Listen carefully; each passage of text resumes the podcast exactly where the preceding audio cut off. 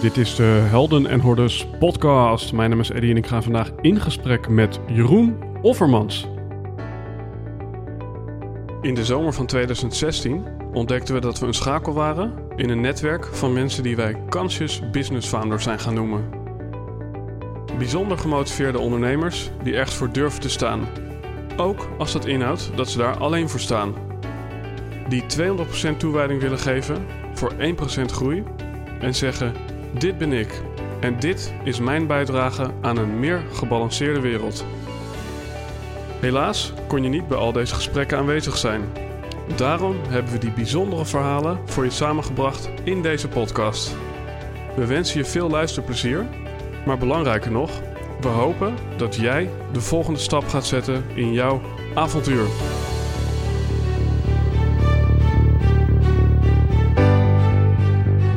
Alright, ladies and gentlemen, dit is de Helden en Hordes podcast. Yay!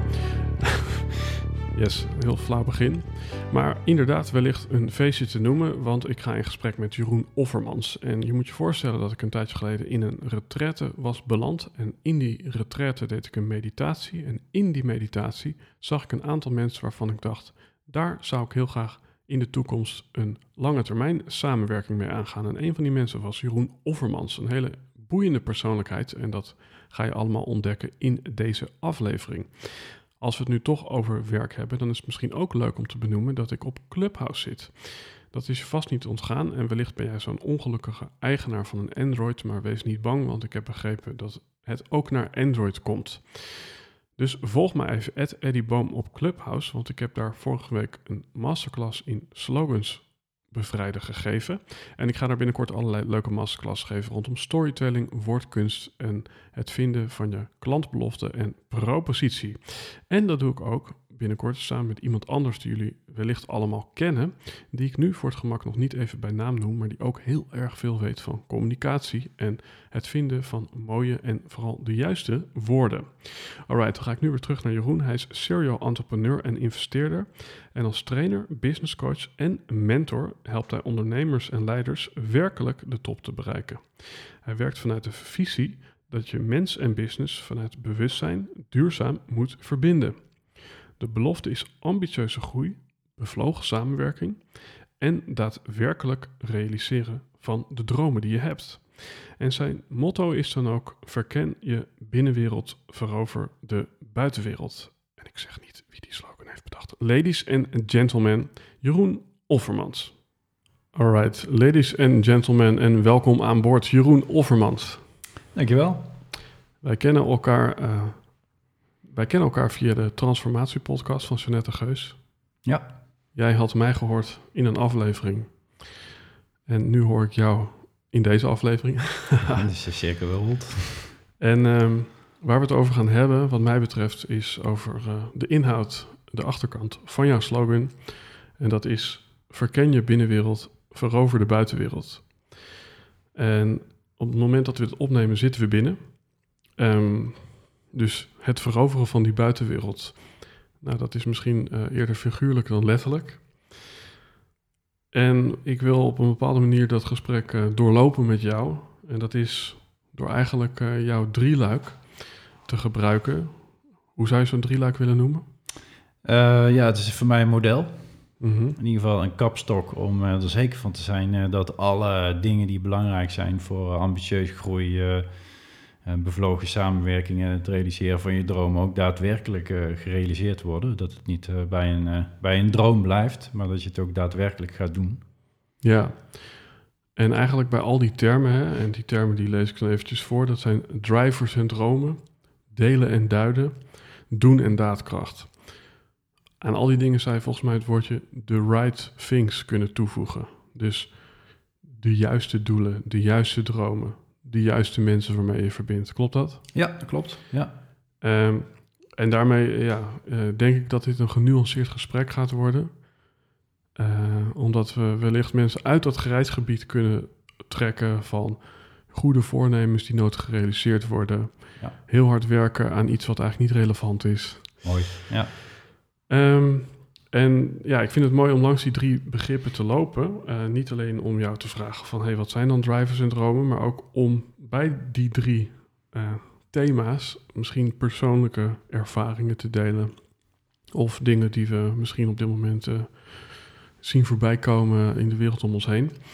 En dan beginnen we eventjes bij drivers en dromen.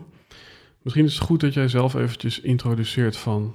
Ja, wat is de eerste piketpaal in, ja, in dat drieluik wat jij gebruikt? Ja, nou, ik uh, begeleid uh, leiders en ondernemers in uh, groei. En mm -hmm. nou ja, als je dat gaat doen, dan ga je, natuurlijk, ga je natuurlijk kijken naar dromen. Want iedereen die heeft bepaalde dromen die hij wil realiseren. Mm -hmm.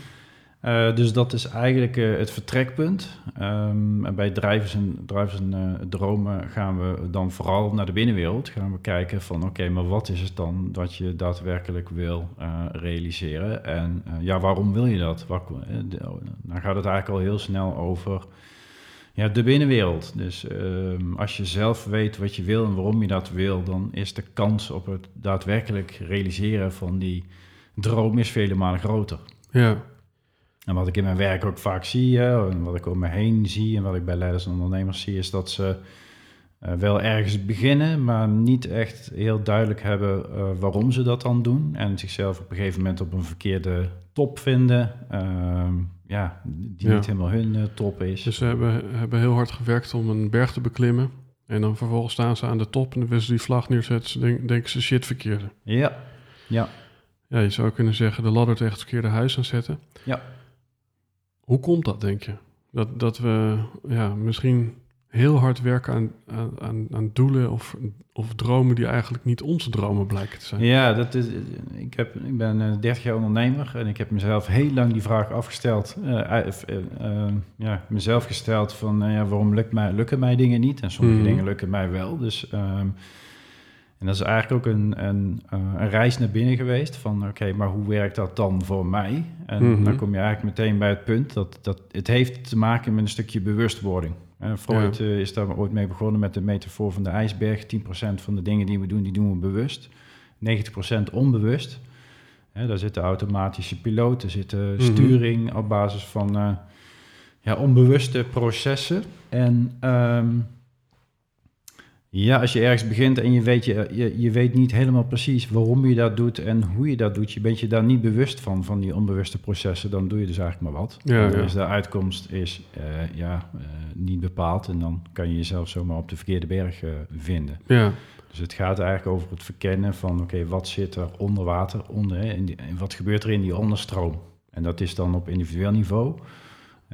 Dat je dat zelf weet, maar ook dat je dat samen ontdekt in teamverband en ook binnen de organisatie. Ja, en dat is eigenlijk dus uh, uh, stap 2, toch? Het, het, stukje delen ja. van, van de droom eigenlijk. Ja, nou ja, delen ook van, oké, okay, wat is belangrijk van mij? En dan gaat het over Ja. waarden, het gaat over Ja. overtuiging. Dus hoe zit, hoe zit ik zelf in elkaar? Ja, En als je de ander daarin kan vinden, dan kun je verbinding maken en dan heb je een gezamenlijk doel. Dan Ja. kun je het gaan, dan, en dan kun je, is inderdaad, dus eh, ja. delen en duiden. ja, precies. Dus stap 2 is dan delen en duiden. Daar gaan we zo meteen op in. Ja. Wat meteen even in me opkomt, is dat, dat eh, onze beste vriend Tibor wel eens gezegd heeft... Ja, als het gaat om het delen... Eigenlijk zegt hij, als je zegt wat je wilt, dan laat je zien wie je bent. En eh, schijnbaar vinden we dat dan spannend. Ja, Ehm, dus ehm, delen, dat is een soort coming out. ja, Voordat we daar naartoe gaan, hè, eh, we hebben het dus over de juiste dromen verwezenlijken. mhm. Heb jij zelf een ervaring? Ja, weet je, hoeveel jaar was je ondernemer? Eh, 30 jaar bijna. Precies. Ja, he- heb je daarin, want ik geloof dat je ook iets van acht verschillende ondernemingen van de grond hebt gekregen. Ja, nou, wel, het zijn er meerdere geweest op dit moment betrokken bij acht organisaties. En niet eigenlijk een, eh, een bewuste keus, maar de dingen zijn zo gelopen eigenlijk. Uh, Mhm. dus ik, ik ben mijn ondernemersavontuur eigenlijk begonnen vanuit een persoonlijke passie voor bergsport en het meenemen van mensen, begeleiden van mensen in, in, in de bergen, uh, jaren geleden. En zo mijn eerste onderneming uh, gestart. Mooi. Want, nou ja, dan is het misschien letterlijk zo dat je de verkeerde berg hebt beklommen. Maar eh, ja, heb je een voorbeeld ervan? Of is het meer dat je dat bij anderen hebt gezien? Van ja, het compleet al ingaan op iets wat niet het juiste doel of de juiste droom blijkt te zijn.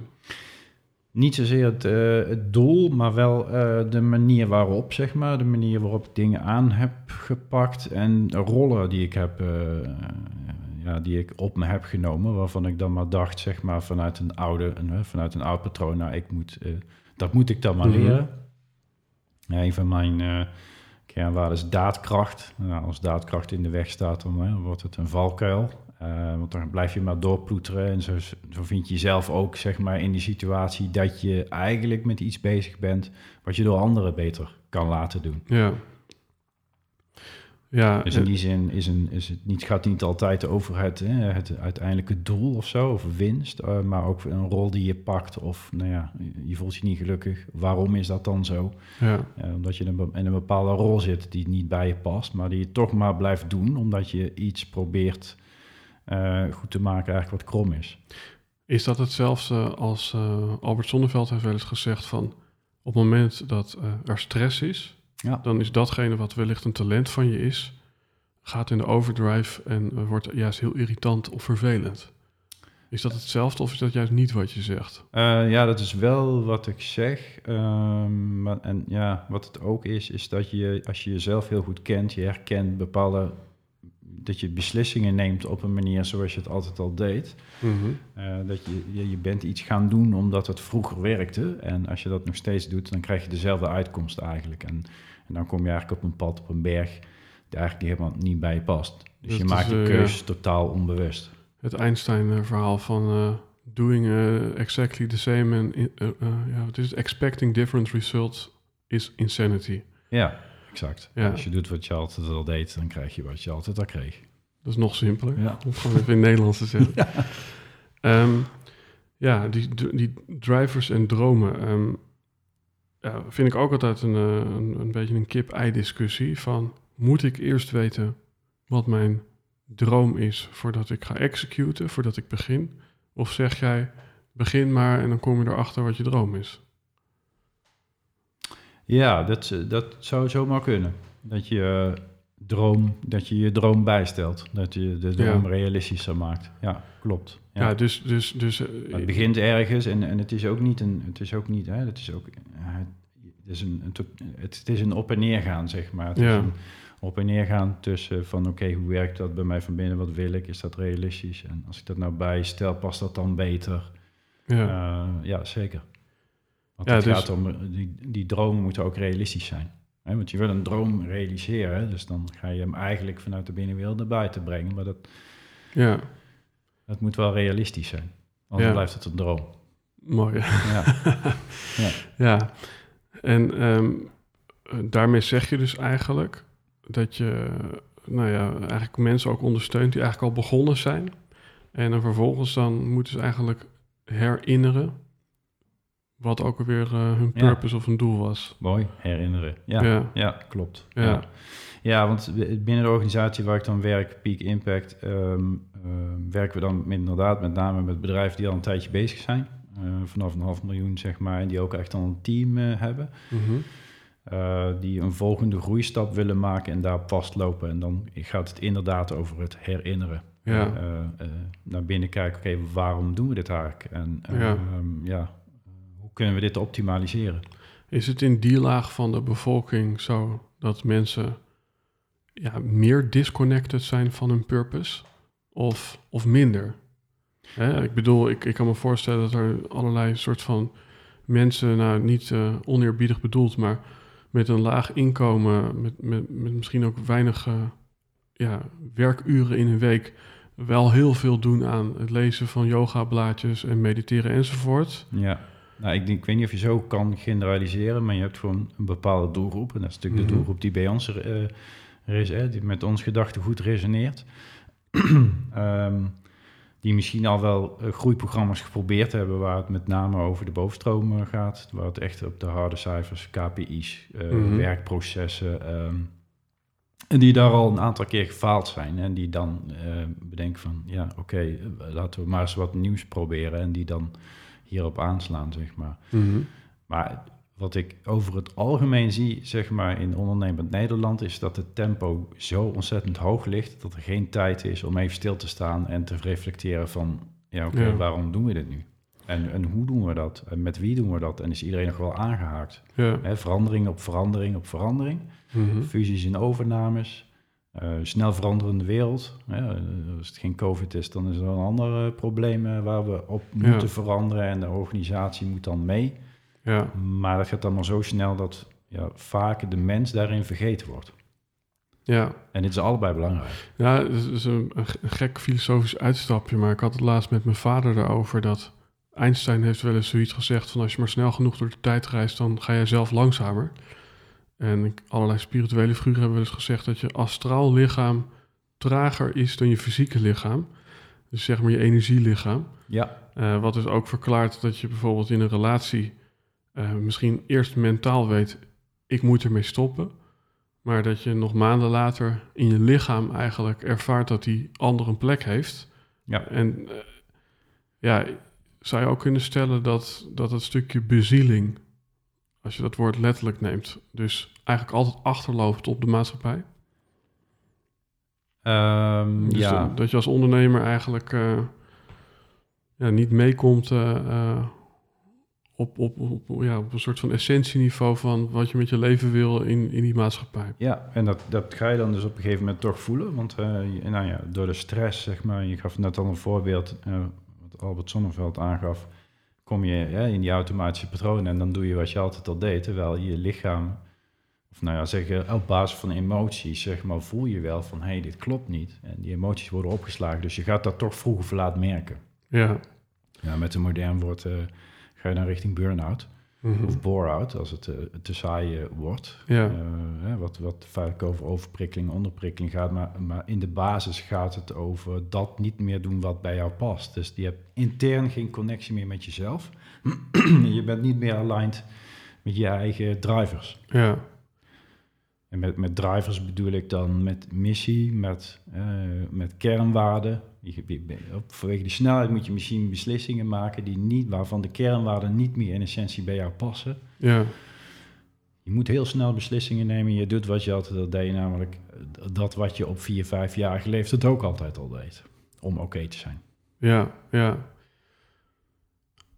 Ja, Ik hoor je net zeggen van oké, in Nederland gaat het allemaal zo snel. Ah, dat is misschien een beetje een kritische noot. Gaat het hier niet veel langzamer dan in bijvoorbeeld een eh, Japan, een China of een Amerika? Ik bedoel, eh, daar, de, de term speed of implementation, die komt geloof ik eh, van Brian Tracy. Dat is een Amerikaanse ondernemersgoeroe. Ja, ja, dat is. Ja, waar ligt de schuiver, zeg maar, in de dualiteit van snelheid langzaam? Ja. De, ongetwijfeld in de landen om ons heen, daar zal het nog veel sneller gaan. Ja, Eh, arme mensen, zeg ik dan. Arme werknemers en Ja. arme leiders. eh. ja, is, nou, wat ik hier zie, in absolute zin, zeg maar, zie ik mensen daar heel erg mee struggelen. ja. Dit gaat al heel snel. Hè? En, ja hoe, hoe weet ik of het te snel gaat? Nou ja, dat, dat, dat, het, het gaat goed zolang het goed voelt. Zolang je aligned bent met je eigen interne Ja. eh, kompas. Ja, En als je, als je iets, als je iets itchy eh, voelt, zeg maar, of het voelt niet helemaal meer oké, dan, dan is dat wel een teken aan de wand. ja. Ja. En ja, eh, volgens mij is het ook geen optie om eh, op z'n 11 en 30 te gaan. Als je het hebt over, Nee. over een wereld vol competitie en concurrentie. Nee, nee. Dus Exact. Dus focus. Want je kunt niet overal, je kunt niet alles. Dus uiteindelijk Nee. komt het dan toch weer op focus. mooi, ja. Ja. Dus eigenlijk wat ik, je- wat ik je hoor zeggen is... Oké, eh, te snel, dat eh, kost, je, je, kost je eigenlijk je purpose. Ja.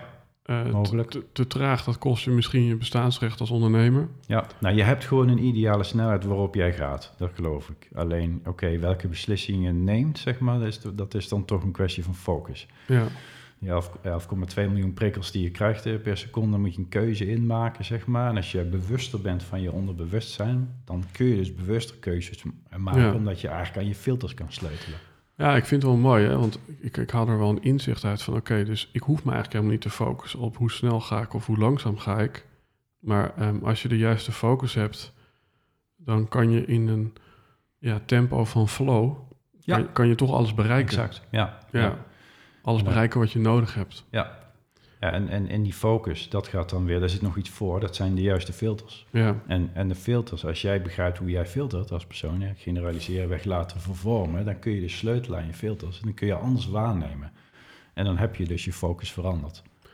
Hè, want ik Ja. hoor ook heel veel van, oh, we moeten focus, we moeten focus. Ja, nee, we moeten, we moeten iets met die filters. Daar zit nog iets voor, dus. ja, mooi. Dus eigenlijk inderdaad... ehm, ja, hoe, werken, hoe werken mijn filters? Hè, op basis van waar, waar, waar- hoe werkt dat bij mij? En dan weet je ook van, oké, dat is dus waarom ik Ja. beslissing Ja, het is wel interessant, want je vliegt hem vanaf de andere kant aan. Ik eh, moet een beetje denken aan eh, eh, waarom paarden die klepjes op hun ogen hebben. Ja. Ik, ik weet niet of dat waar is, ik ben totaal geen paardenkenner, maar ik vind het in ieder geval een mooi verhaal. Mhm. En dat is eigenlijk dat het paard in paniek raakt als hij alles vanaf de zijkanten eh, aan, aan drukte in de stad eh, ja, kan waarnemen. Ja. En die klepjes zorgen ervoor dat je alleen nog maar vooruit kan kijken en dat zorgt voor rust in dat beest. Ja. Het is eigenlijk wel een mooie metafoor. Ja, exact. Ja. Want je vraagt het paard niet om te focussen, maar je kijkt hoe kan ik de omgeving eigenlijk eh, elimineren. Ja, ja en, en, en elimineren klinkt dus ook wel weer als manipuleren. Ik denk dat het beïnvloeden is. Op die manier heb je invloed op je omgeving. Ja, want is het leven maakbaar, ja of nee? Nou, dat denk ik niet. want wat, wat, is, wat is het verschil tussen manipuleren en beïnvloeden? Nou, dat is hetzelfde. Alleen ik denk, ja, dat is, het is een beetje... De, nu gaan we het over eh, invulling van woorden hebben. Dus heel mooi thema. Dat is ook echt mijn achtergrond NLP. Dat vind ik mateloos fascinerend. Het is voor jou anders dan voor mij. Dus dit is niet de waarheid, wil ik nu zeggen. Mhm. Maar voor mij is het manipuleren is het eigenlijk wel eh, vanuit een negatief... eh, met een negatieve intentie. Ja, ja. En beïnvloeden vind ik meer vanuit een positieve intentie. Maar feitelijk doe je hetzelfde. ja ik heb wel eens eh, gehoord eh, de gast van IMU die zeggen... eh, manipulatie start waar beïnvloeding eindigt. Dus het gaat, het gaat een stap verder. Ja, dat, het, dat is voor mij een stap te ver. Ja, Ja. ja. Mensen die ik begeleid die echt willen leren manipuleren om op die manier meer sales binnen te hebben, halen. ja. Vind ik niet meer, zeg maar, duurzaam. En dat is voor mij een belangrijke kernwaarde, dat Ja. het duurzaam is. Vroeg of laat, zeg maar, gaat dat toch knagen aan mensen. En Ja. en, ja als je het hebt over alignment, zeg maar, dat, dat, Mhm. dat, dat, dat is gewoon niet oké. Ik ben het helemaal met je eens, hè. Maar is het mogelijk om in een, in een wereld waarin wel aan alle kanten gemanipuleerd wordt? Ik noem eventjes een, een, een, een booking.com waar staat op dit moment is er nog maar één bed vrij en drie andere mensen kijken op deze pagina, wat gewoon helemaal niet waar blijkt te zijn. En hoe weet ik dat het niet waar is? Omdat mijn vader een, eh, een boek heeft gemaakt, wat hij nog nergens had gepubliceerd of gepromoot. En toen stond er op Amazon nog twee boeken beschikbaar. Oh ja. Nou, waarom ging dat al helemaal mank? Omdat het een boek was on demand. Dus die wordt pas gemaakt als Ah, hij ja. besteld wordt. Ja. Dus het echte antwoord is, er waren er nul beschikbaar. Dus het, kon, het konden er geen twee zijn. Mhm. En dan ook nog, op dit moment heeft één ander iemand interesse... terwijl nog niet eens in Google was geïndexeerd. Ja. Dus, nou ja, oké, dus in zo'n wereld leven we. Dus we leven in een wereld waarin aan alle kanten toch gemanipuleerd wordt... en die con- concurrentiestrijd aangegaan wordt. Ja. En dan kan ik met mijn goede gedrag zeggen van nou, ik wil eigenlijk eh, duurzaam groeien en ik wil eh, bezieling en een beetje beïnvloeding, maar meer dan dat ook niet. Ja. Is, is dat in, in jouw perceptie mogelijk? In de, Ja, want eh, het fear of missing out, zeg maar, de laatste twee stoelen, dat tapt in op een angst, zeg maar. Dat kan en dat werkt bij heel veel mensen. Maar ik denk dat er ook heel veel mensen resoneren op juist de positieve boodschap. Ik denk dat ook heel veel mensen wel klaar zijn met eh, de fear of missing out. Eh, Mhm. want angst is een, is een situatie waar we allemaal niet in willen leven. Dus. Ja, En voor mij, zeg maar, ik resoneer meer met de mensen die, ja, ehm, waarvan ik denk van we kunnen echt iets voor elkaar betekenen op, een, op, een, diep- op een diepere laag. ja, ik zit even te brain in mijn hoofd. Zo, Dat zijn, en dat zijn misschien niet van de, van de, hè, van de, van de 100% zijn dat dan mis- misschien niet 50%. Maar als het dan wel mijn vijf klanten zijn, ja, dan zijn dat wel hele waardevolle klanten waar ik ook echt iets, ehm, ja, voor mijn, voor mijn eigen persoonlijke missie iets kan toevoegen. ja, en dan hebben we het eigenlijk over liever een grote vis in een kleine vijver dan een kleine vis in de oceaan. Ja, de- uiteindelijk zeg maar, onder de streep ben ik ervan overtuigd dat het hetzelfde oplevert op korte termijn. Want ik geloof niet zeg maar dat ik er langer over doe. Mhm. Ehm, maar ik, heb, ik doe wel precies wat ik wil. Ja, Dus ja, durf te kiezen. Ja. Durf te kiezen voor ja, ja, vertrouwen op je eigen Ja. propositie, op, je, op, op, da- op datgene wat jij de wereld in was. ja, dus in plaats van fear of missing out zou je kunnen zeggen the joy of tuning in. Super. Ja. ja. En ehm, dat kiezen? Nou, we zitten nog steeds in het stukje drivers en dromen. Ja. Ehm, ja, dat is misschien een hele spirituele vraag. Maar moet ik kiezen? Want ik hoor jou ook net even tussen de zinnen door zeggen... ja, acht bedrijven, dat is een beetje gewoon gebeurd. Dat gebeurde eigenlijk gewoon. ja, nee, je moet niks. Goed het punt. Ja, nou ja, meer in de zin van... eh, eh, is het nodig dat ik kies? Of, ja, weet je wel, is het zoals in de cursus in wonderen... ehm, kijk wat er nog tussenin staat. Haal dat weg en dan komt het naar je toe. Of is dat te mooi? Te romantisch van... Nou ja, je moet ergens beginnen. En, en als je, zolang je daarop reflecteert, kom je wel uit bij waar je uiteindelijk gaat zijn. Ja, En ehm, je bedoelt dan misschien de vraag van, moet je kiezen voor één ding? ja, Mm, Nou, in het begin wel, denk ik. Ehm, want anders raken mensen de weg kwijt. Dan kiezen Ja. ze niet voor jou. Dat, dus Ja. die, die geloof ik, dat geloof ik wel. En het is wel interessant, want je moet toch ook, denk ik dan, verkennen. Dus hoe kan ik als startende ondernemer bijvoorbeeld kiezen voor één ding? Ik weet dat dat voor de markt heel gunstig is, want dan snappen ze wie je bent. Ja. Maar hoe kan ik zelf dan kiezen? Nou, zorg in ieder geval dat die keuze al heel dichtbij is wat je echt wil gaan doen. Bij jouw ideale klant en wat bij jou gewoon echt resoneert, zeg maar, op, op, op waarde en overtuiging, op identiteitsniveau. Wat past bij je missie. Dus dan ben je al heel erg in de buurt. Ja, en dan zou ik gewoon gaan testen. Ja, En bij het testen leer je wel, als je dan maar op voldoende op blijft reflecteren, of je op, die, op het juiste pad bent. Ja, en, dan kun je, en- dan is het continu aanpassen. dus die test is eigenlijk, ik kies er gewoon voor om A of B te, te doen. Ja, Eh, ik weet nog niet helemaal of het is, maar eh, door daar wel vol te voor gaan staan, kom ik er uiteindelijk achter of het er toch wel of niet was en of het gepolijst moet worden, maar Ja. dan ben ik er. 20% van je energie geeft 80% van je resultaat. Ja, Dus als jij die 20% weet te pakken door echt goed in die binnenwereld te kijken en je gaat dat zenden, dan ben je al, dan, dan bereik je ook daadwerkelijk iets. En die 80% die polijst je dan al along the way. ja, Dus ook in je, in je propositie zou ik gaan voor minimal viable product. Dus gewoon iets de wereld inslingeren wat al wel gewoon echt goed is, wat bij jou Mhm. past. Maar je kunt dat, je kunt, nou, je kunt dat nog, die, die kathedraal kun je along the way Ja. wel bouwen, zeg maar. Tenminste, als je klanten daar behoefte aan hebben. Ja, want, want, want eigenlijk waar we het nu over hebben, die soort van 80-20 regel ook, ehm, dat is volgens mij waar het dan misgaat. Dat je of te veel focust op ja, een businessplan van 25 A4 in plaats van 1 A4. Eh, dat is volgens mij niet helemaal de bedoeling. Klopt. Maar het is ook niet de bedoeling om zonder businessplan te starten.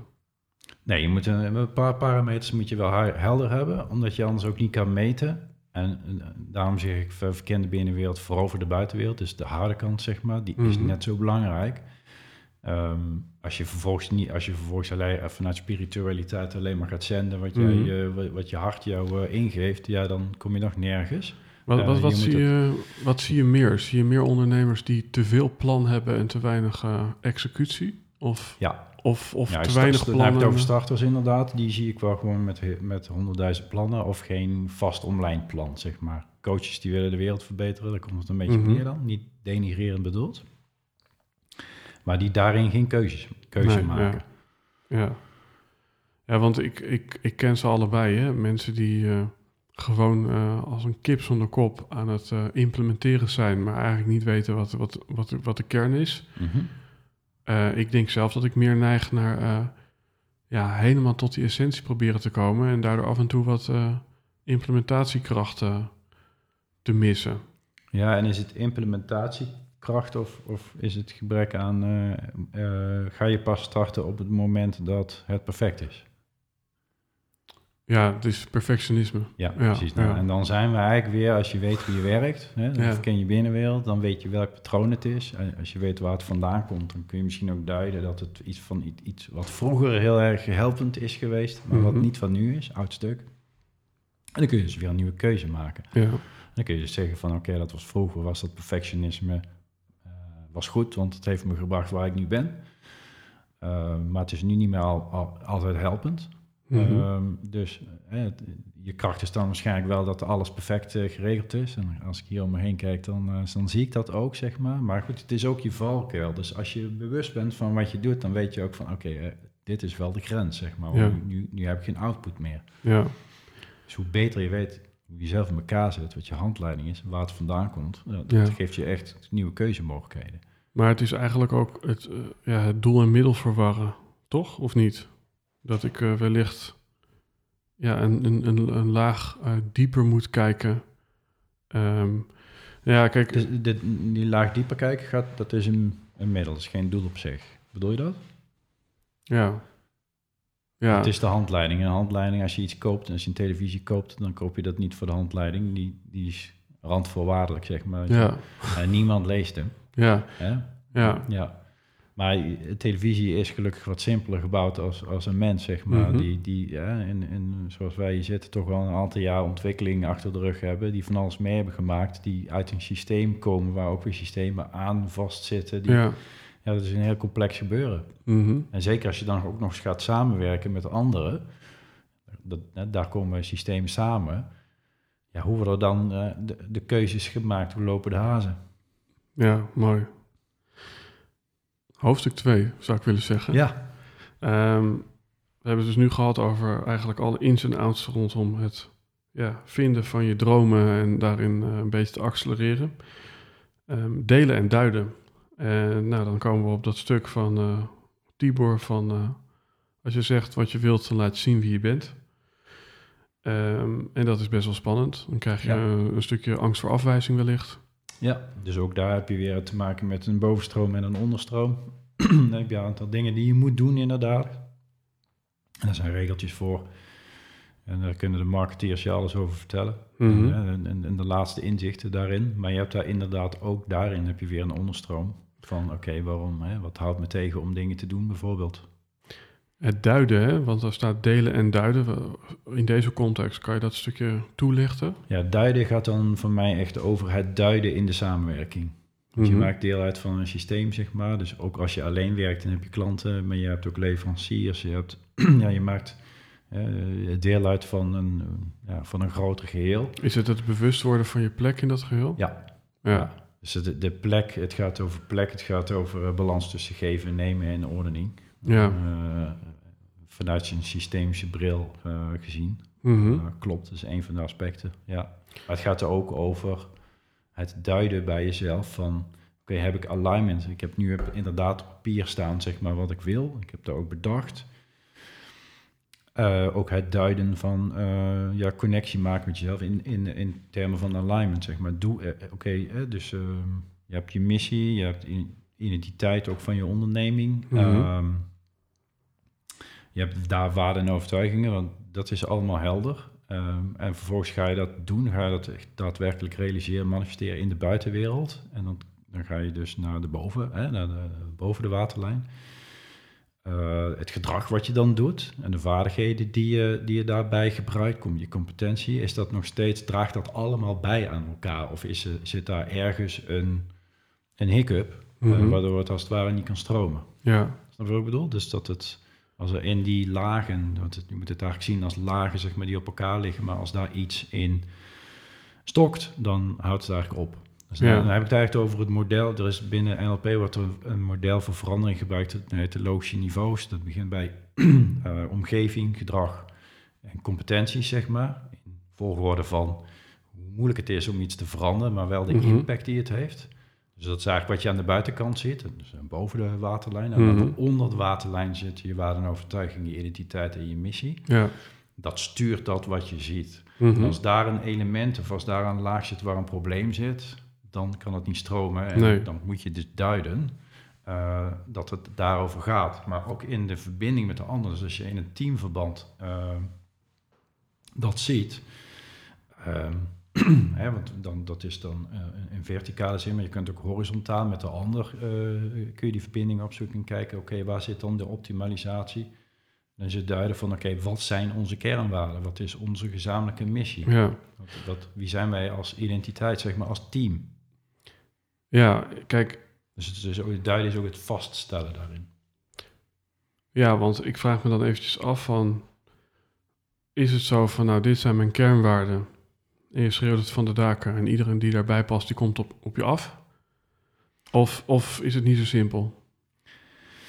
Ja, als je goed weet wat je kernwaarden uh, zijn, dan kun je daarover met elkaar in gesprek en kijken van oké, we hebben een kernwaarde. Iemand heeft zegt dan van ja, verbinding is voor mij een hele bekende kernwaarde. Nou, een verbinding is op zich is een normalisatie. Dus niet iets wat je vast kan pakken en in een kruiwagen kan stoppen. Volgens mij, we hebben het wel zo gehad over vrijheid en watermeloenen. Ja. Nou, dat is dan vrijheid, zeg maar. Dus als je daarop gaat googlen... Multi-interpretabel eigenlijk. Multi-interpretabel. Ja, ja, dus je moet dan duiden van, oké, wat betekent dat voor mij? En hoe heb ik dat de afgelopen drie maanden...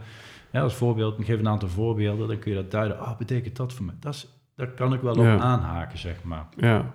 Dus zo moet je dat eigenlijk gezamenlijk ontdekken. Ja.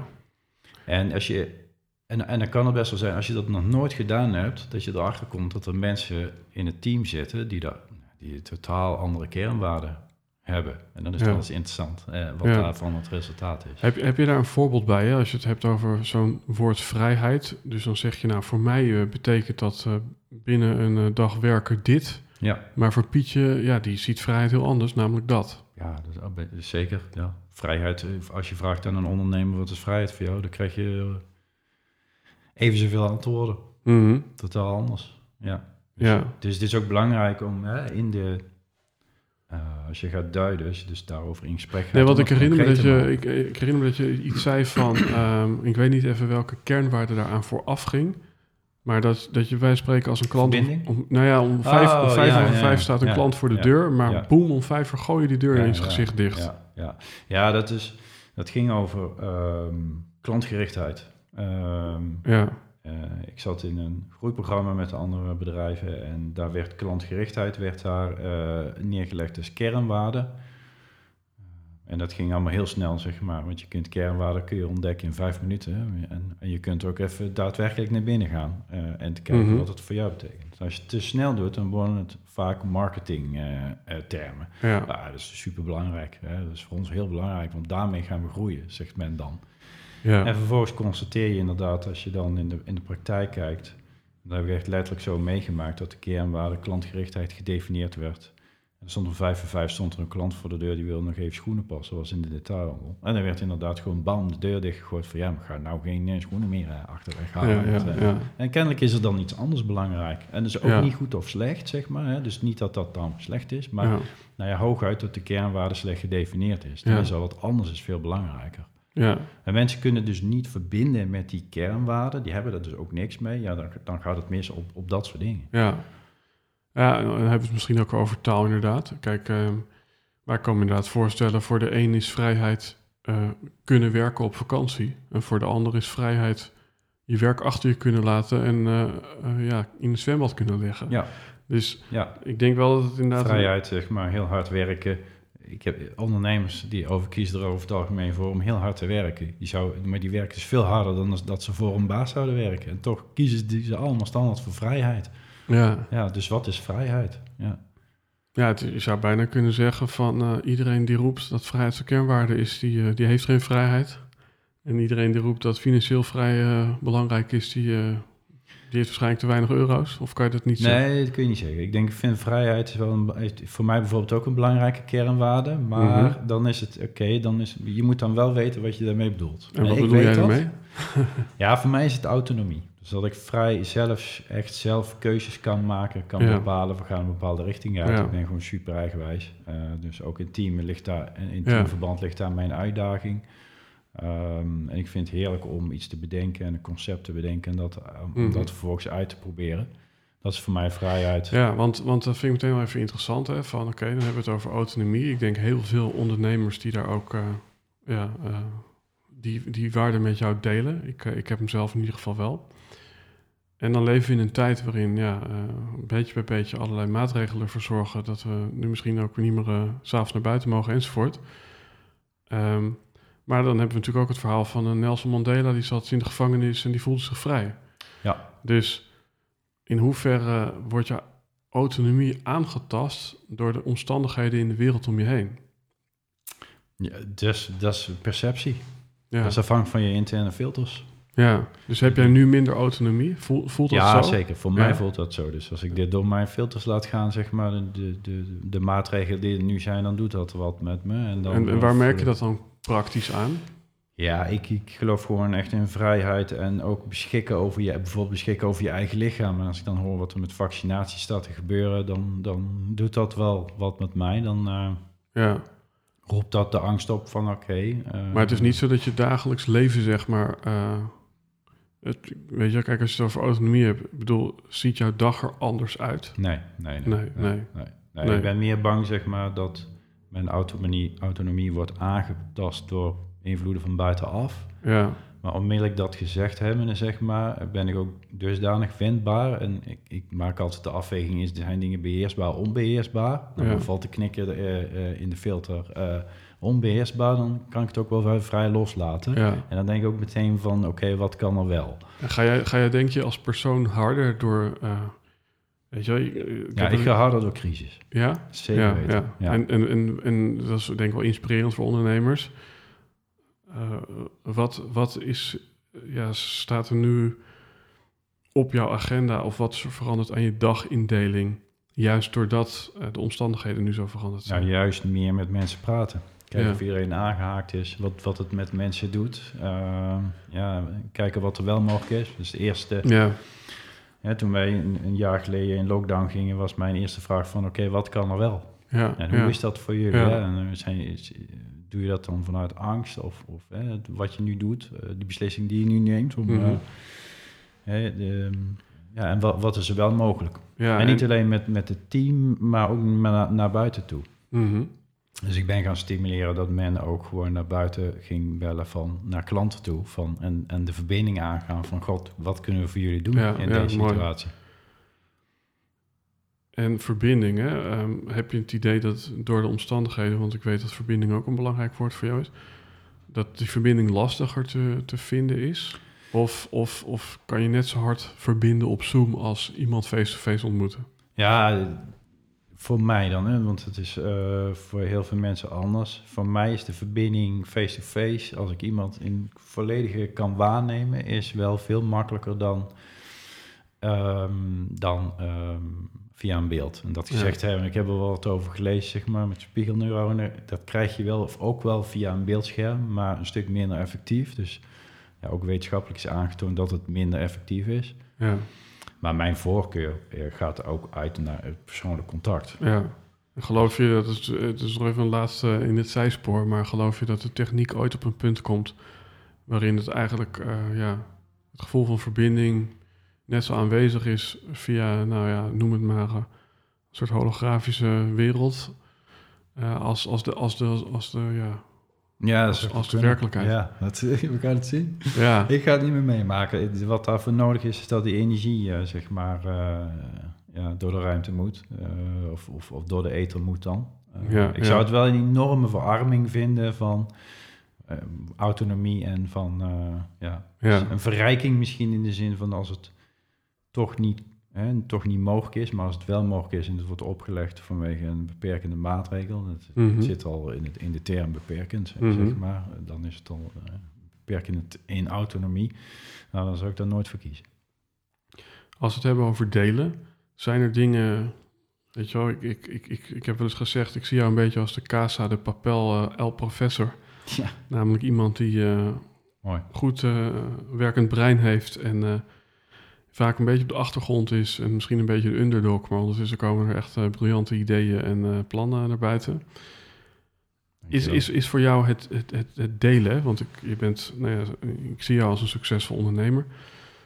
Um, heb je het gevoel dat je eigenlijk in, in de groei die je maakt als ondernemer, dat je um, nou ja, je makkelijker verbindt aan mensen, of dat je juist eerder een soort van steeds meer een Einzelganger wordt? Nee, steeds makkelijker.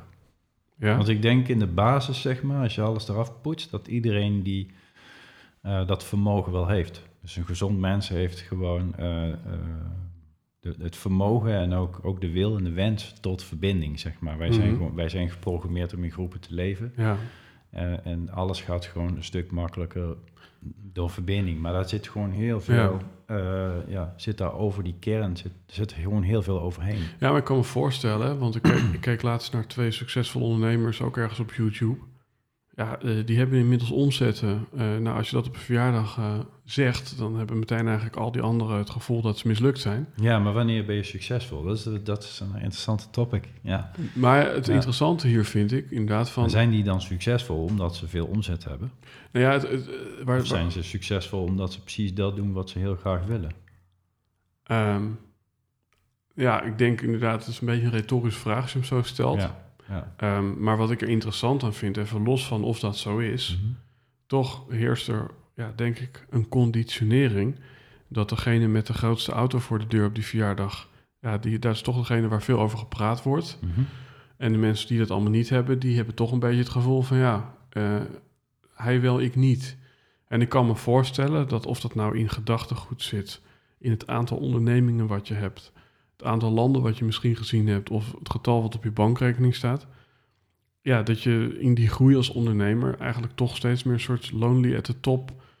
Ja, uh, ja dat je toch een soort van ja, afwijzende uh, sociale omgeving kan krijgen. Uh, zo ervaar ik het niet. Nee. Nee. nee, dat, Is eigenlijk, dat is ook wel echt eigen perceptie. Maar misschien trek je als je trek je ook wel bepaalde mensen aan als je bepaalde, ja, volgens mij zeg je, heb je het dan over status of zo, of, Mhm. mm -hmm. en over ego, ja, dan trek je ook wel dat soort mensen aan. Ja, en dan zijn er altijd in ieder geval voldoende Ja. mensen die op jouw Ja. niveau zitten, zeg Ja, maar. ja, weet je, en als, als mensen naar mij kijken en zeggen van, hij woont in een groot huis en hij heeft acht bedrijven en eh, ja, die weten natuurlijk, die, in, in hun perceptie, dus ook maar hun, hun waarneming, uh, ja, laat ze maar denken wat ze ervan denken. Ja, ja. Ik wil graag in gesprek. Ik, ben wel, ik vind het altijd fascinerend. Ik ben nieuwsgierig hoe mensen dan denken, zeg maar. Maar ja, dat is hun projectie van hoe ze mij zien. Ja, nee, want ik, ik vind dit op zichzelf dat een interessant thema. En dat valt wat mij betreft een beetje binnen eh, het delen en duiden. Ehm, ja, omdat Helden Hordes toch ook, noem ik wel eens, de verjaardag is voor de mensen die eh, ergens anders eh, geen aansluiting meer kunnen vinden. Oh, zo ja. Ja, omdat ik bedoel van ja, weet je, als je dan toch inderdaad de grootmeesters als een Jung en een Einstein en een Steve Jobs, ja, die konden zich vaak maar moeilijk verbinden. Eh, weet je, dat, dat soort mensen zeggen ook van de enige vrienden die ik heb, dat zijn eigenlijk mensen waarmee ik werk. Hm. Omdat, omdat het Ja. me gewoon, ja, het is voor mij lastig om, om, om buiten die scope om echt nog te connecten en ook als gelijkwaardig eh, gezien te worden door anderen. ja, je trekt wel aan wat je eh, uitstraalt dan. Is de- mijn vriendenkring is ook niet super groot. En de meeste verbinding doe ik ook in mijn werk. Ja. Ehm, Denk je dat het internet, hè, als we het nog eventjes over hebben, heeft bijgedragen aan het feit dat je die verbinding kunt leggen met me- mensen die een beetje like-minded zijn? Ja, dat maakt het zeker makkelijker. Ja. Misschien Ja. Het is veel makkelijker om je boodschap eh, te verkondigen. Ja. Makkelijker dan ooit. Ik heb natuurlijk eh, in, ook in onderneming, of in het, in het ondernemen heb ik echt de start van het internet eh, nog meegemaakt. Als je 30 jaar onderneemt, dan, dan krijg je dat soort dingen. Er lag een boek bij mij op zolder. eh, ik was aan het opruimen. En niet in dit huis, die heeft geen zolder, maar er stond op... Het internet komt eraan. Ja, dat ja, was ja, de ja. titel. Mooi, ja. ja. Dat is briljant. Dus, eh, ja. Dus ja, dat, dat heeft ontzettend veel veranderd. Je kan iedereen bereiken. Ja. En ehm, als we het dan hebben over ehm, ja, het delen en duiden, zijn er nog misschien specifieke dingen die ze aan de luisteraars willen meegeven van hoe deel je jouw droom? Hoe zorg je dat mensen ook die sparkle voelen? Ja, oké, we hebben dan die kernwaarden, dus wij delen misschien verbinding en vrijheid, ik noem maar wat, of autonomie. Ehm, maar ja, dus het zit dan toch in taal verpakt, zeg maar. Ja, je gaat je, je, je onderbewustzijn, dat breng je naar buiten, naar de bovenwereld via taal, zo doe je dat. Ehm, en dan, dat zit hem dan toch in taal. ja, En het gesprek aangaan.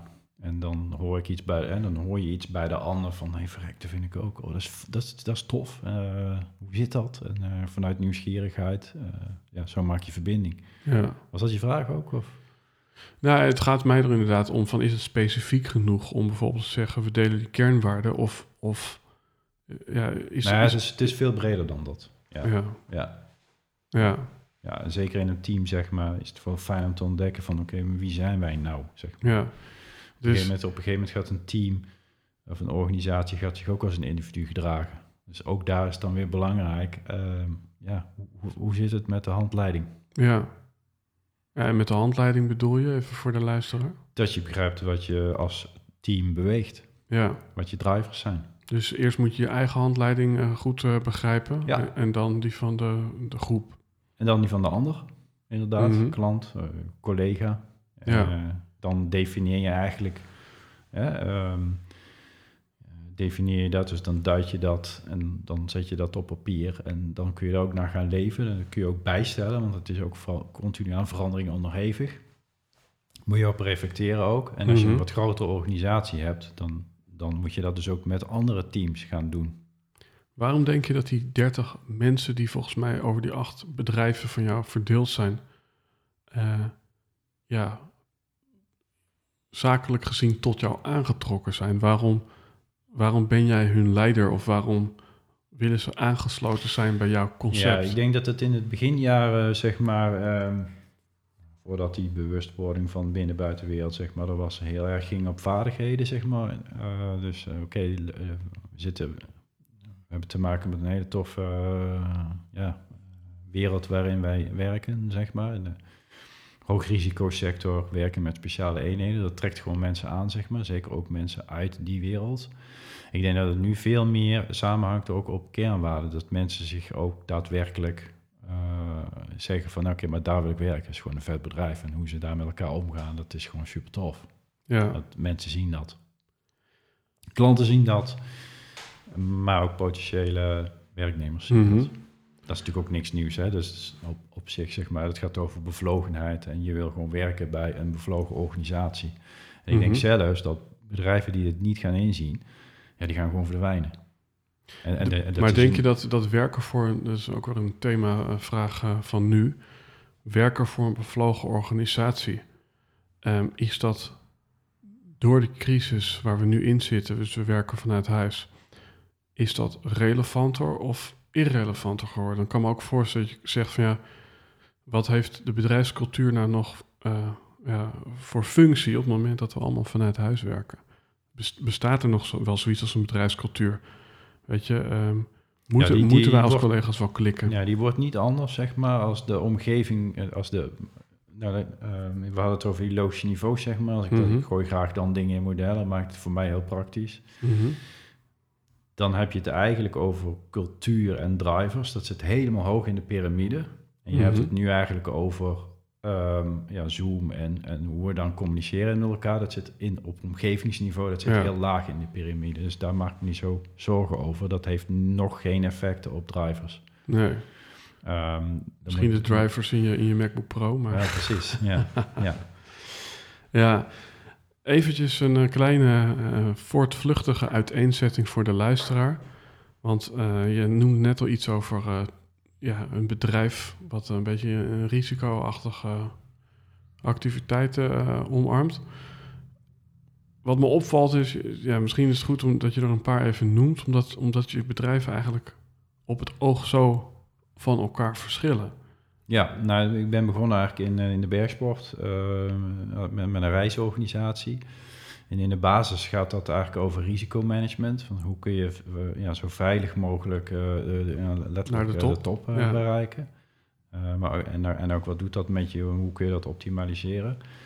En op een gegeven moment, eh, nou ja, voor mij werkt het dan zoals ik dan tien jaar lang iets doe, dan is het spelletje wel gespeeld en dan wil ik weer iets nieuws. Dus op een gegeven moment kreeg ik de opportunity om, dat, om mensen te gaan begeleiden die in hoogrisico-sectoren werken op hoogte en besloten ruimtes. Dan moet je denken windturbines, eh, booreilanden bij de politie, bij Defensie.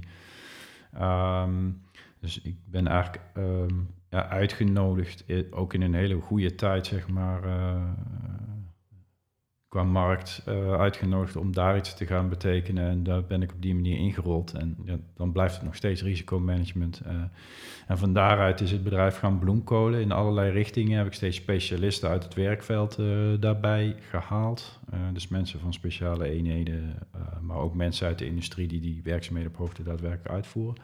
En de grote gemene deler is altijd ervoor zorgen dat die mensen zo effectief en veilig mogelijk kunnen werken. Ja. Uh, dus met opleiding, uitrusting en advies. Dus er zit wel degelijk een rode draad in. Ja.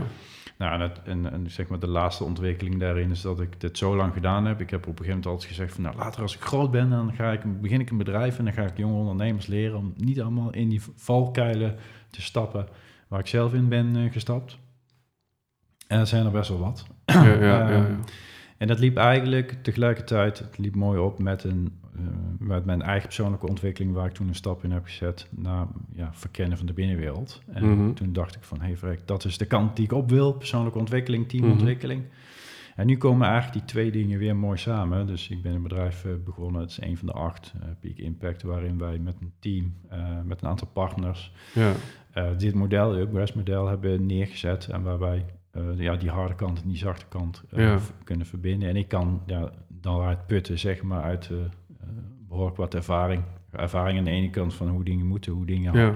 niet goed gaan. Ja, ik vind het mooi inderdaad dat je eigenlijk eh, in je loopbaan die transitie ziet van de fysieke eh, wereld naar de mentale, geestelijke wereld. Ja, en de grap is, hè, want daar had ik het laatst nog met een, met een van mijn uh, coaches over en uh, trainers. Um, dat het eigenlijk iets is waar ik in de beginjaren ook altijd mee bezig ben geweest. Want als je iemand wil leren klimmen, zeg maar, of als je iemand veilig mee naar een berg wil nemen, en dan ook het niet over gidsen en dan mag Mhm. die aanslepen naar de top, maar iemand die dat zelfstandig wil kunnen, dan heb je het helemaal, dan heb je het al heel Ja, ja. snel over van, eh, oké, wat houd je tegen, wat Ja, zijn je angsten en waarom, hoe, hoe komt het dan dat je niet, eh, dat je, dat je niet ver komt? Eh, Mhm.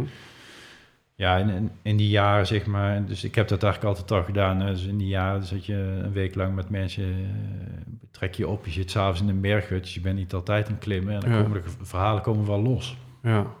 En je kan geen kant op, dus eh, je wordt wel uitgedaagd dan. Dus, ja, kijk, ik denk eh, er zijn heel veel mensen in deze wereld die het ene na het andere boek hebben verslonden. Maar ik denk, eh, wij spreken als je maar één boek hebt gelezen, en dat is het boek van ja, jarenlang eh, bergsport actief beoefenen. ja, dan is dat een stukje praktijkervaring waar misschien al voldoende in zit. Dat brengt me ook weer op een klein zijspoor van eh, hoe belangrijk is het voor jou om te studeren en te lezen? Of denk je van, nou ja, het gaat uiteindelijk om die implementatie en uh, we ja, hebben al voor mij veel is dat wel heel belangrijk. Ja, Ja? zeg maar gaat over competentie. De, de, de begin bij kennis. Kenniskunde en, en je kwaliteiten, zeg maar. Ehm, ja, kennis, dat is wel de basis. De, de kennis, eh, ik, kan, ik zou niet kunnen coachen als ik niet de kennis zou hebben, ehm, de achtergrond zou kunnen hebben Ja. en de modellen, zodat ik ook in mijn brein is het nodig om, om verbindingen te kunnen Mhm. maken, om goed te kunnen ja. zien van oké, wat wat, wat speelt hier nou echt? Want iemand van 100 jaar geleden, die, eh, die las misschien Think and Grow Rich. Hm? En eh, dan las je misschien nog, als iets ouder werd, Seven Habits of Highly Effective People. En dan heb je nog,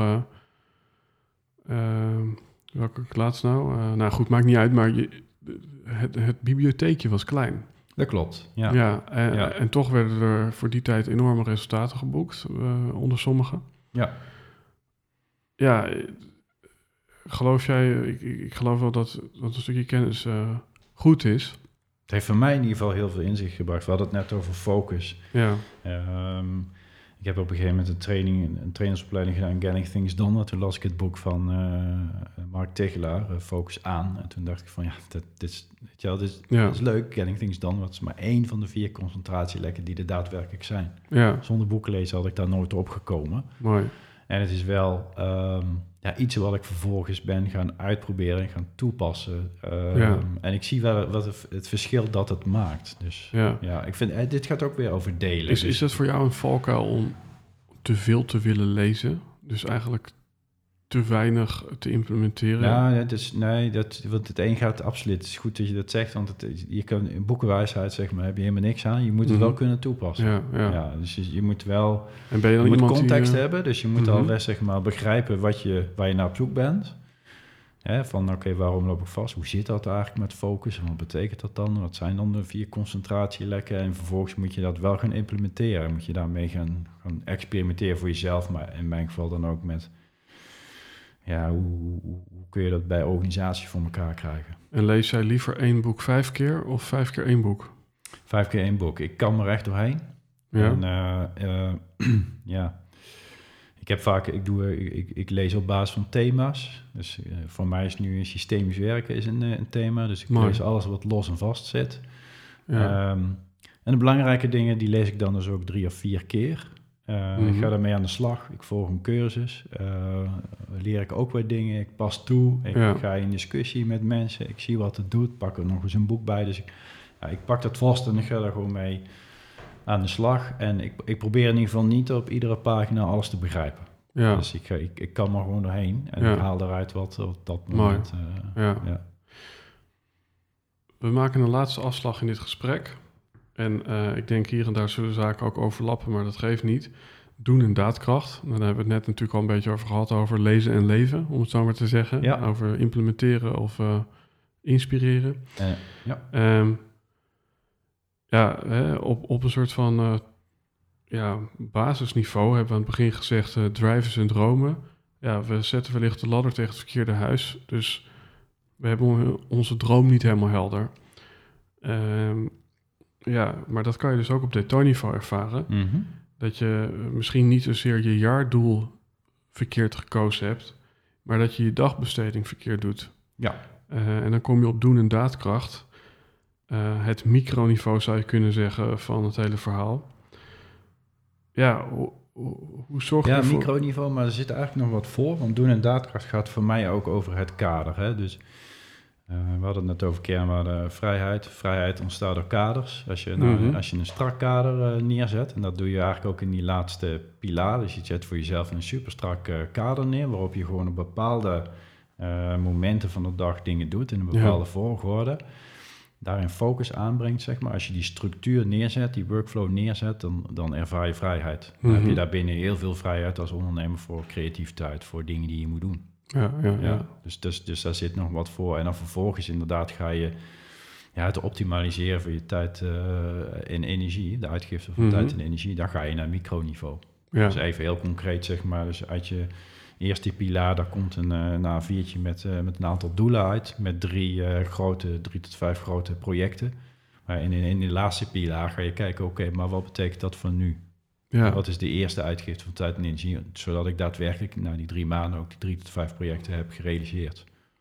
Ja, wat is de, de grootste energievampier die je bij mensen ziet? Dus ja, waarin besteden ze hun tijd aan het verkeerde of besteden ze ergens te veel tijd aan? Waar, waar, zie je dat exemplarisch terugkomen als je kijkt? Ja, er zijn er dus vier. Hè? Dus zoals ik net al zei, het gaat over focus. En, uh, en een hele grote die ik zie is in interne prikkels. Dus dat je zoveel in je hoofd hebt zitten. Volgens mij is dat ook echt de basis. Uh, zorg dat je je hoofd leeg hebt en rust hebt. Maar interne prikkels, dus dat is niet uh, mijn Facebook en mijn Instagram.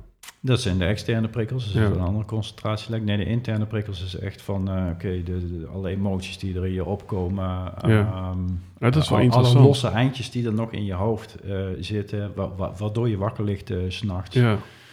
Um, ja, ik vind dit ook wel een hele interessante, hè? want uh, nou ja, er wordt dus gezegd dat niet tegenslag, maar verleiding de grootste vijand is van dit moment. Ja, of beter gezegd afleiding. Ja. ja. klopt. Ja. Nou, Oké, dat is inderdaad in dit moment misschien zo. En toch hoor ik jou zeggen dat de interne prikkel ja, misschien nog meer in de weg zit. Ja, het is voor mij zo. Voor, volgens mij was dat ook de vraag. Maar het is, volgens mij moet je kijken bij de ander wat er speelt. In mijn uh, verhaal. En dat, dat, dat kan uh, bij de ander helemaal anders zijn. Kijk, als jij je interne prikkels goed op orde hebt, dat je een, een goed plan hebt. Ja.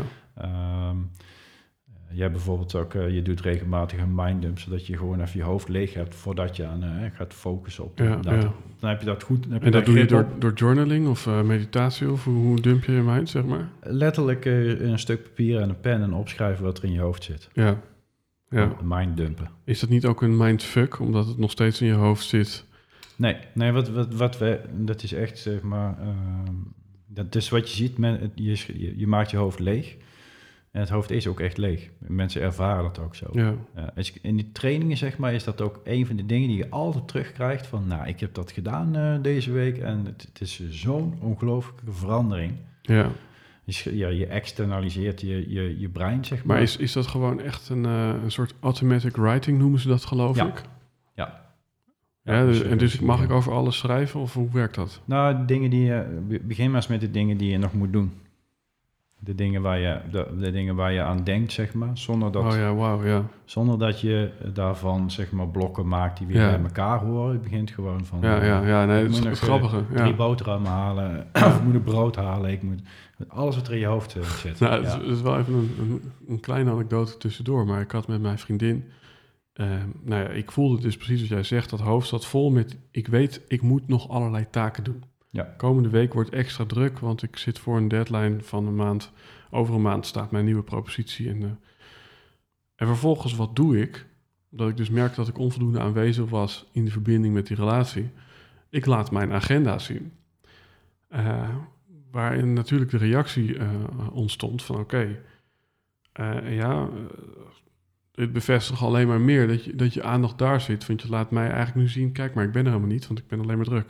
Ja, ja. Maar dat was niet mijn intentie, want Ja. mijn intentie was eigenlijk om in eerste instantie voor mezelf, en dat had ik misschien ook beter individueel kunnen doen, gewoon inderdaad eventjes te zien wat staat er allemaal in die agenda.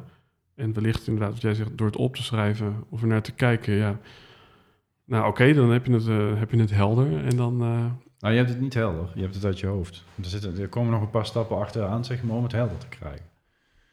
Vervolgens moet je er ook moet je, moet je, moet je wel wat eh, doen. Je Ja. moet, eh, kijk, als je, je moet een systeem bouwen, dat zijn die kaders eigenlijk. Je moet een systeem bouwen waarbij je eh, alles wat in je hoofd zit op een gegeven moment, als je die mind-up hebt gedaan, dan heeft dat een plek. Maar alles wat in je hoofd zit, gewoon in dat systeem kan gooien. ja, Waarbij je dan de rust hebt van, oké, twee keer per dag kijk ik daarnaar en dan geef ik dat een plek. ja, Dan zeg ik, is dat belangrijk? Is het nu belangrijk? Ja. Is het- draagt het bij mijn project, ja of nee? ja, Is het iemand anders een eh, project? ja, Kan ik het delegeren? Dus nou, daar zit het, is, we gaan nu op de inhoud in, zeg maar. Mhm. Het is een dag training, maar ehm, dan heb je een machine staan. Dat is eigenlijk de derde tak. Die, die, dan heb je een machine staan waarbij je gewoon alles erin kan gooien. En ehm, ja, dat de output ook daadwerkelijk is aan het eind van de dag een kleine stap richting je doel. ja. En dat is wat je wil. Ja, en ik kan me voorstellen dat je als organisatie zo'n machine moet hebben. Nou, Ehm, je moet als individu zo'n machi zo'n machine hebben. Mooi, ja, Ja, en, eh, en dat moet je, daarover moet je dan wel in gesprek zeg maar, met elkaar. ja, Dan hebben we het weer over delen en duiden. ja, ja. En dat doe je door dagelijks even een huddle te doen. Hè. Dat is Ja. een mooi Amerikaans woord te gebruiken. Eh, Loopt jouw machine al vol op? Ja, die loopt volop. Ook als ik het aan je vriendin vraag? Ja, zit, zeker. Zit die ook in die machine? Of is, Ja. deze, is deze machine helemaal business? Nee, die, die machine kun je overal toepassen. Ja, Dus je hebt niet business en je hebt niet een business brein en een thuisbrein. Dat doe je of dat doe je niet, zeg maar. Ehm, dat doe je ook voor, voor, eh, als het voor je werkt. Je moet, er, je moet daarmee starten en je moet even doorzetten. Mhm. Want in het begin denk je van, nou ja, dat is best wel bewerkelijk. Maar Mhm. uiteindelijk levert het je gewoon heel erg veel op. En wat je ziet, hè, en dat is menselijk gedrag, eh, het zakt weer weg. ja. En dan moet je weer eh, ergens de draad oppikken. Mhm. ik, ik zie je als iemand die behoorlijk eh, wat rust in zijn systeem heeft. Ehm, eh, weet je, zeker als je hoort inderdaad van wat de track record hebt en wat je op een dag allemaal uitvoert. Ja, ik zou niet acht, bij acht bedrijven betrokken kunnen zijn en rustig kunnen slapen. Dat wil niet zeggen dat ik altijd rustig slaap, maar als ik dit systeem niet zou hebben Nee, staan, dan Nee, zou ik helemaal gek worden. ja, ja, Ja. Ik, maar ik snap, sommige mensen die zie ik en dan ja, die lopen vast. En dan gaan we eerst kijken van, nou, oké, hoe, ziet- hoe ziet je dag Ja. eruit? Nou, dat is, dit is echt laaghangend fruit. Dit is zo simpel op te lossen. Als Ja. je een dag training doet, dan heb je hem staan, zeg maar. Dan moet Ja. je hem nog implementeren, maar dan begrijp je wel. Hè, want dit, dit gaat eigenlijk over ja, een stukje neurowetenschap en ehm, eh, eh, ontwikkelingspsychologie, wat je brein überhaupt kan. ja, Hè, dus eh, je zou het een, een hack kunnen noemen. Ik, vind het, ja, ik, ik, ik zeg dan van nou liever optimaal gebruik maken van wat je brein kan, zeg maar. ja, En daar bouw je nog een systeem omheen. ja.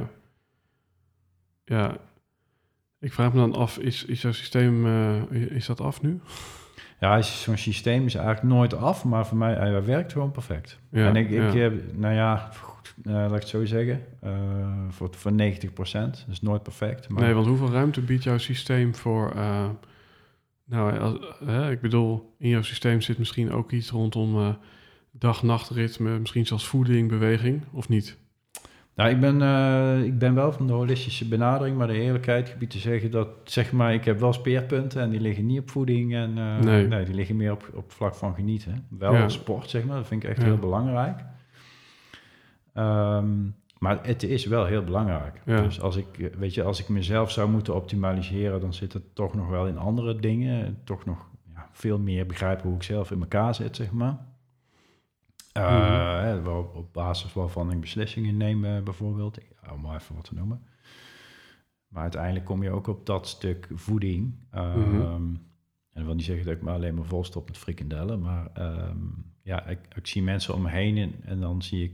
ehm, daar, zie, daar zie ik nog wel eh, ruimte voor ontwikkeling. Ja. En het is belangrijk. Heb je, die, heb je die intentie ook? Of, of denk je van, nou ja, ik uh, nou, op dit moment niet. Want ja, ik, werken met wat er speelt, zeg maar. Ja. Heb ik genoeg uitdagingen op ander vlak. Ja. En, en ik, ik, voor mij werkt het wel. Ik vind het heel belangrijk. Ik ben vanochtend ook weer wezen hardlopen. Dat zeker voor zo'n eh, om, om helder te zijn in een podcast Ja, en, ja. En, en even eh, goed verbinding te maken, is dat voor mij heel belangrijk. Maar het is ook weer mooi, want dan staat eigenlijk het hardlopen toch ook ten dienste van een stukje professie. Zeker weten. Ja. daar hoort er zeker bij. Ja. Ja. Maar niet andersom dus. Het is niet zo dat je professie ten dienste staat van je gezondheid, maar je gezondheid staat ten dienste van je professie. Het is een beetje zwart-wit wat ik nu zeg, hè? maar je snapt ik bedoel. Vroeger was het andersom. Toen Ja. eh, was ik skileraar, toen was het andersom. Mooi, ja, ja. dat kunnen ook niet veel mensen zeggen. Ja, mooi. Ja. En ehm, nou ja, ik, ik vraag me gewoon nou puur praktisch af, hè, van hoe, hoe- hoeveel werk jij dan? Hè? Want je hebt dan een systeem nu, een fabriekje gebouwd. Ja. Eh, resulteert dat fabriekje er ook in dat je bijvoorbeeld ja, meer, meer ruimte hebt gekregen? Of eh, Ja, hoe- zeker, ja. hoeveel, uren eh, is een werkdag bij jou? ja, acht uur.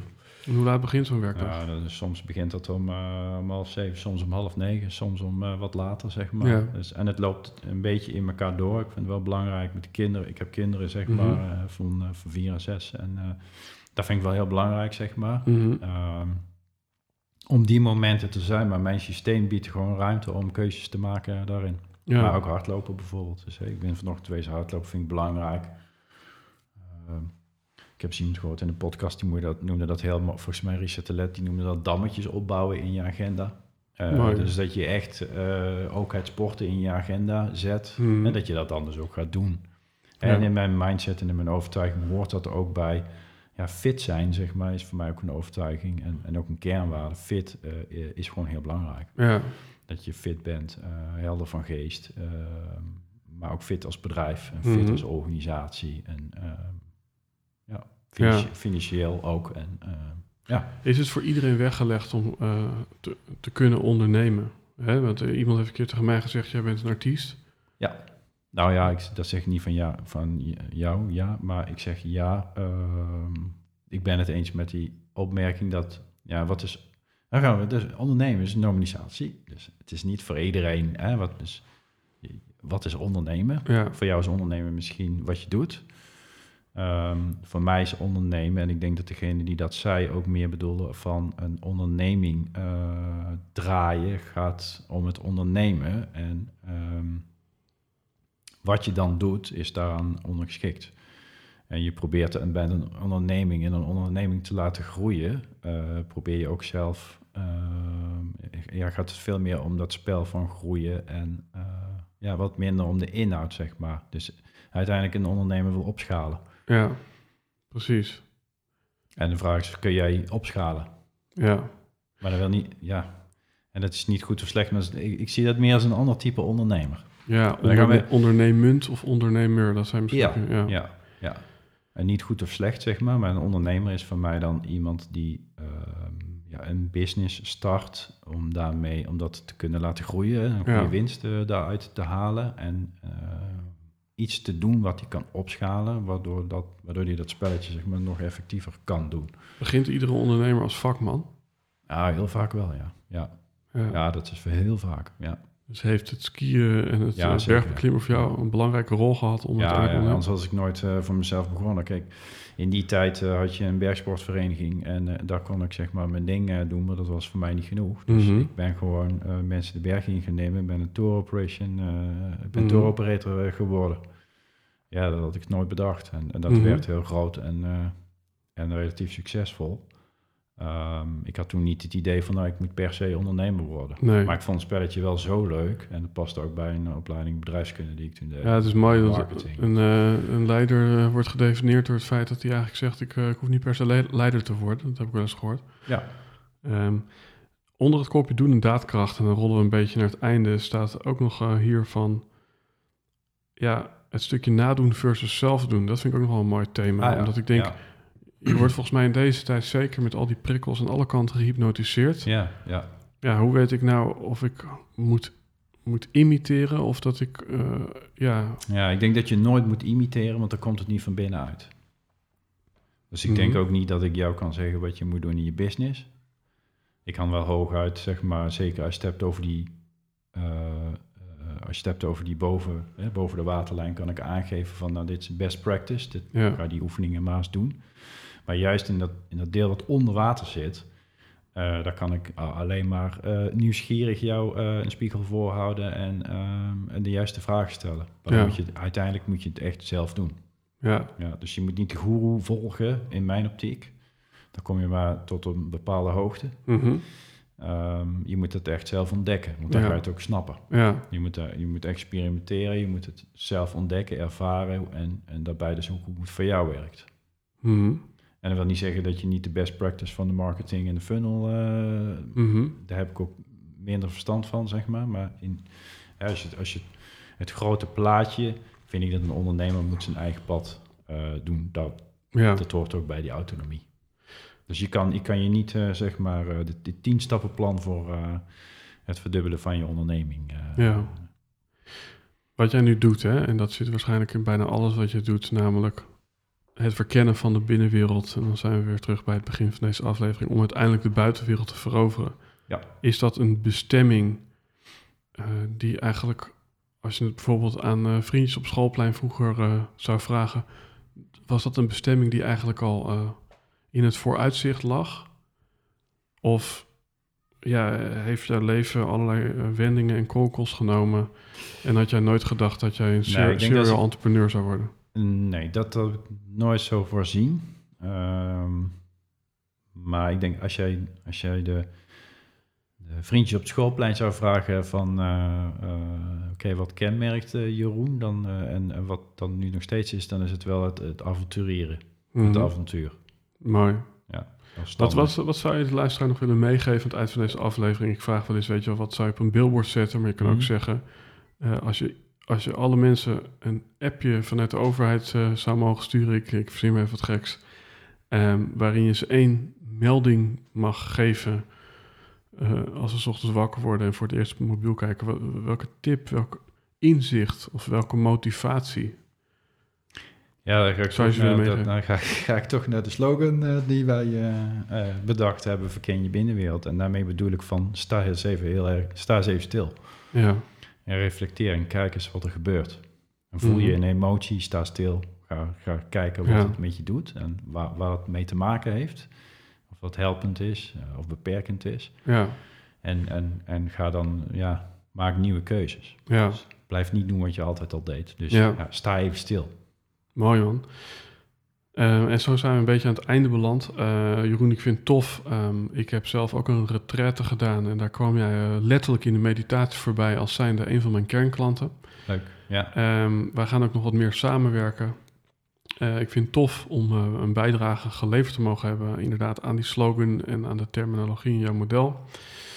Ehm, en wat me altijd heeft geïntrigeerd, en dat is wat mij betreft ook een van de redenen dat jij hier zit, is, nou ja, eigenlijk de toch een soort van constante, nou ja, bijna, ja, in, nederig vind ik nooit zo'n mooi woord. In Engels zeggen ze humble, maar je bent Ja. eigenlijk altijd humble geweest. ja.